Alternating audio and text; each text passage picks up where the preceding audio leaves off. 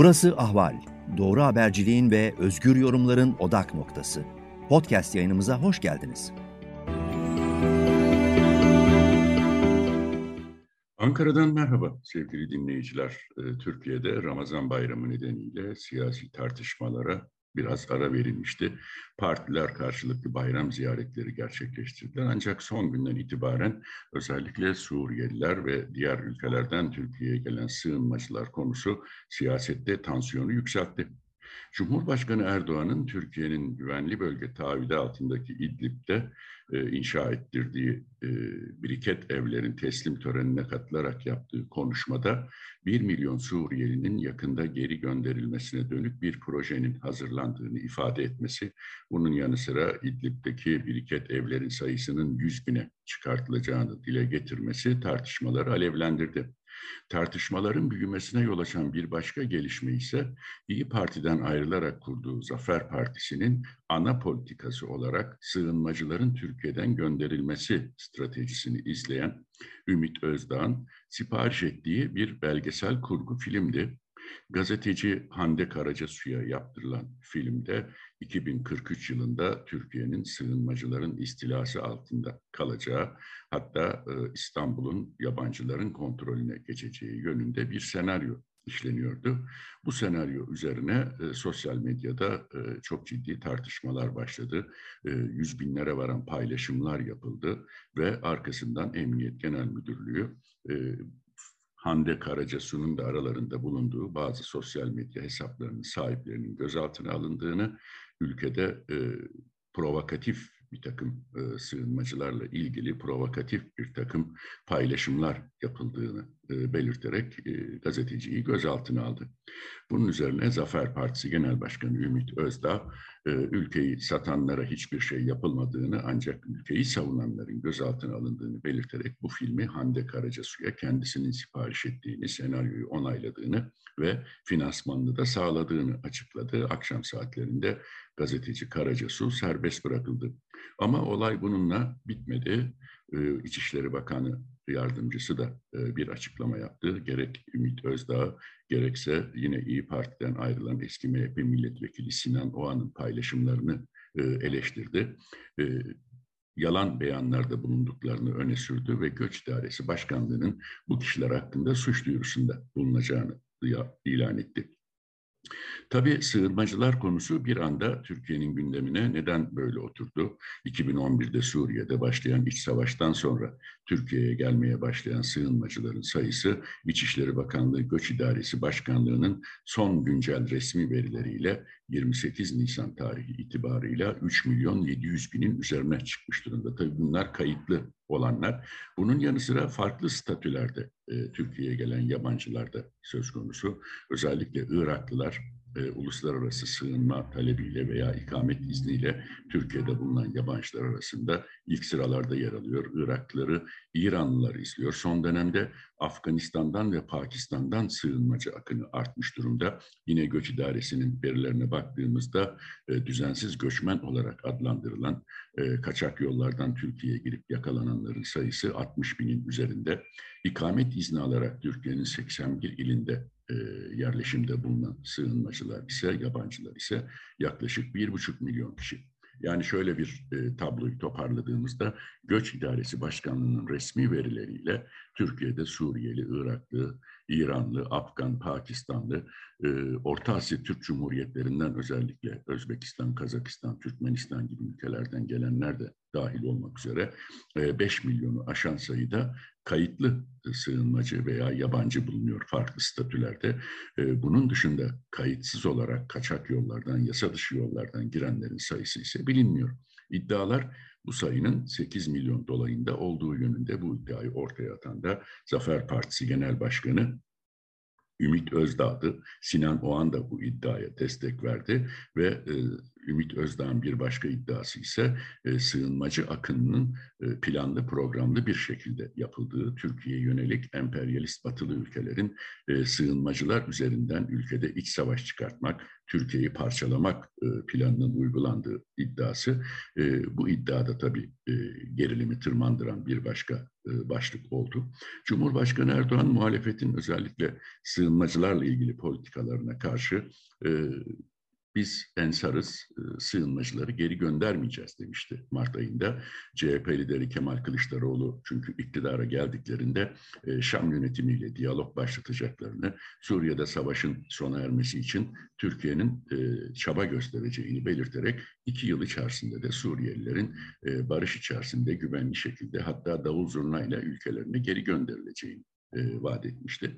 Erdoğan bu iddia üzerine işte Mart ayında bu açıklamayı yaptı ve dedi ki muhalefet e, böyle diyor. Suriyelileri ve diğer sığınmacıları geri göndereceklerini söylüyor. Ama ben buradan ilan ediyorum Suriyelileri göndermeyeceğiz demişti.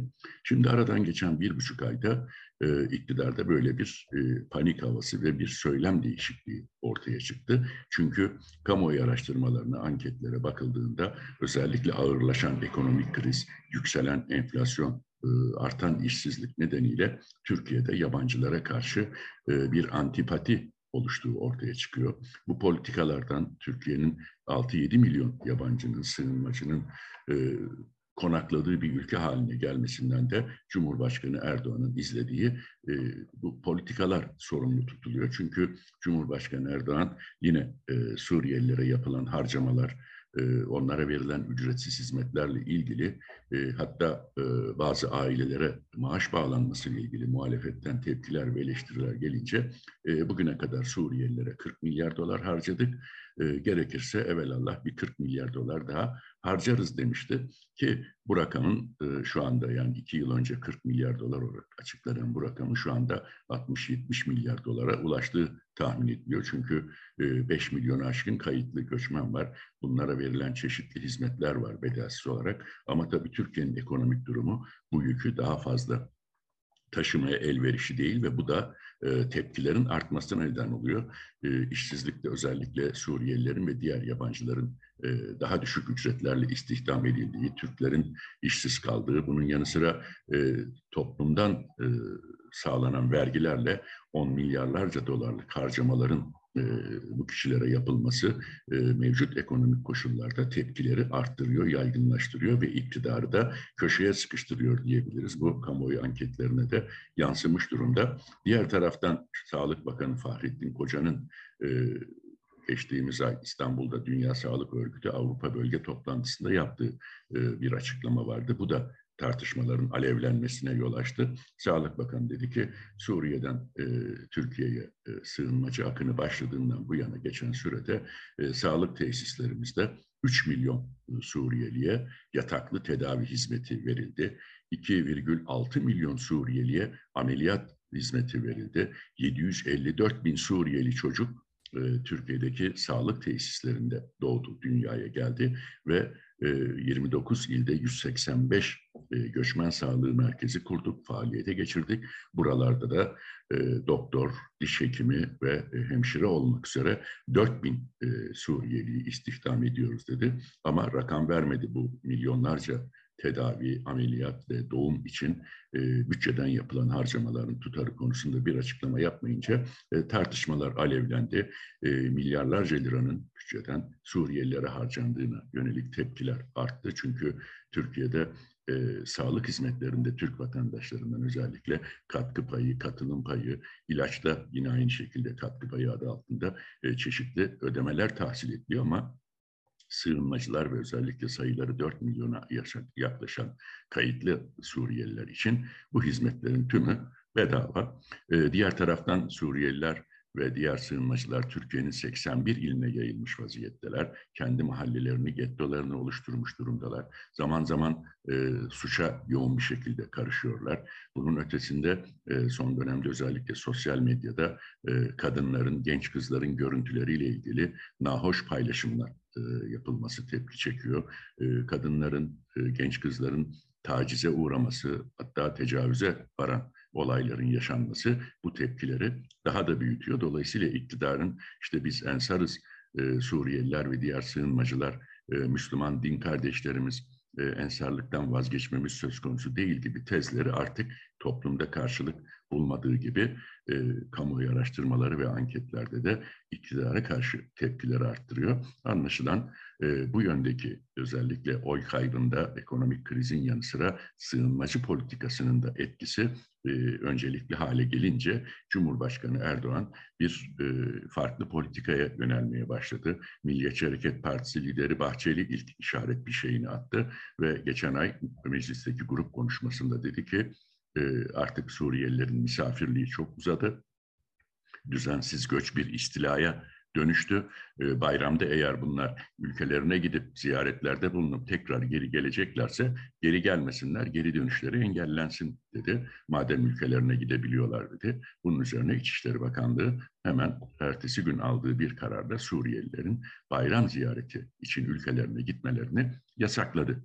Ardından da Erdoğan'dan bir açıklama geldi. Suriyelileri e, onurlu bir şekilde ülkelerine göndereceklerini söyledi ve e, önceki gün yaptığı açıklamada da İdlib'deki biriket konutlarla ilgili konuşmasında da şu ana kadar 500 bin Suriyeli güvenli bölgelere yerleştirdiklerini, önümüzdeki günlerde de 1 milyon Suriyelinin geri dönmesini imkan sağlayacak bir projeyi hayata geçireceklerini, Azez, Cerablus, Elbap gibi e, Türk Silahlı Kuvvetleri'nin kontrolündeki bölgelere e, bu kişilerin yerleştirileceğini, ev, okul, hastane ve diğer altyapı hizmetlerinin de sağlanacağını kaydetti. Ama tabii bütün bunlar da e, ciddi bir e, finansman gerektiriyor. Çeşitli kurumlardan da yardım alınacağını kaydetti Erdoğan ama bu açıklama tepkileri çok daha büyüttü.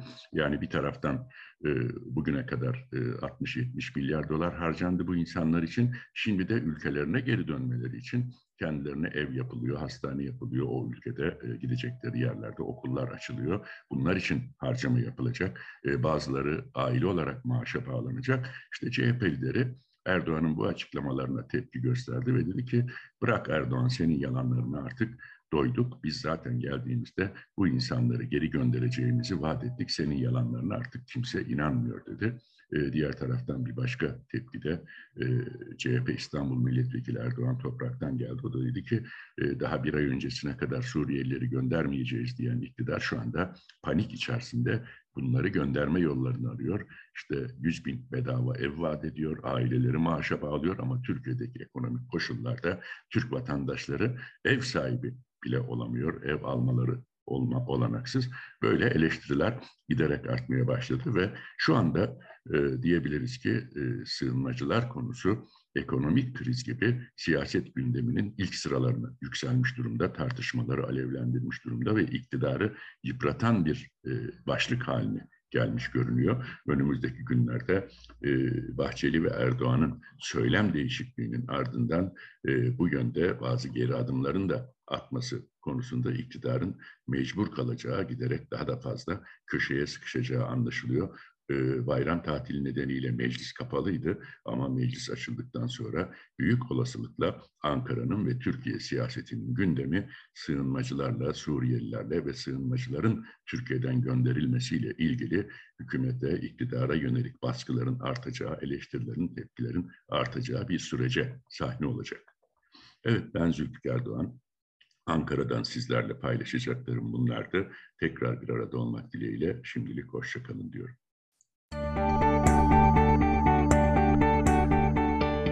Ahval podcastlerini tüm mobil telefonlarda Spotify, SoundCloud ve Spreaker üzerinden dinleyebilirsiniz. Apple iPhone kullanıcıları bize iTunes üzerinden de ulaşabilir. Türkiye'nin ve hayatın cıvıl cıvıl sesleri Ahval Podcast dizisinde. Kulağınız bizde olsun.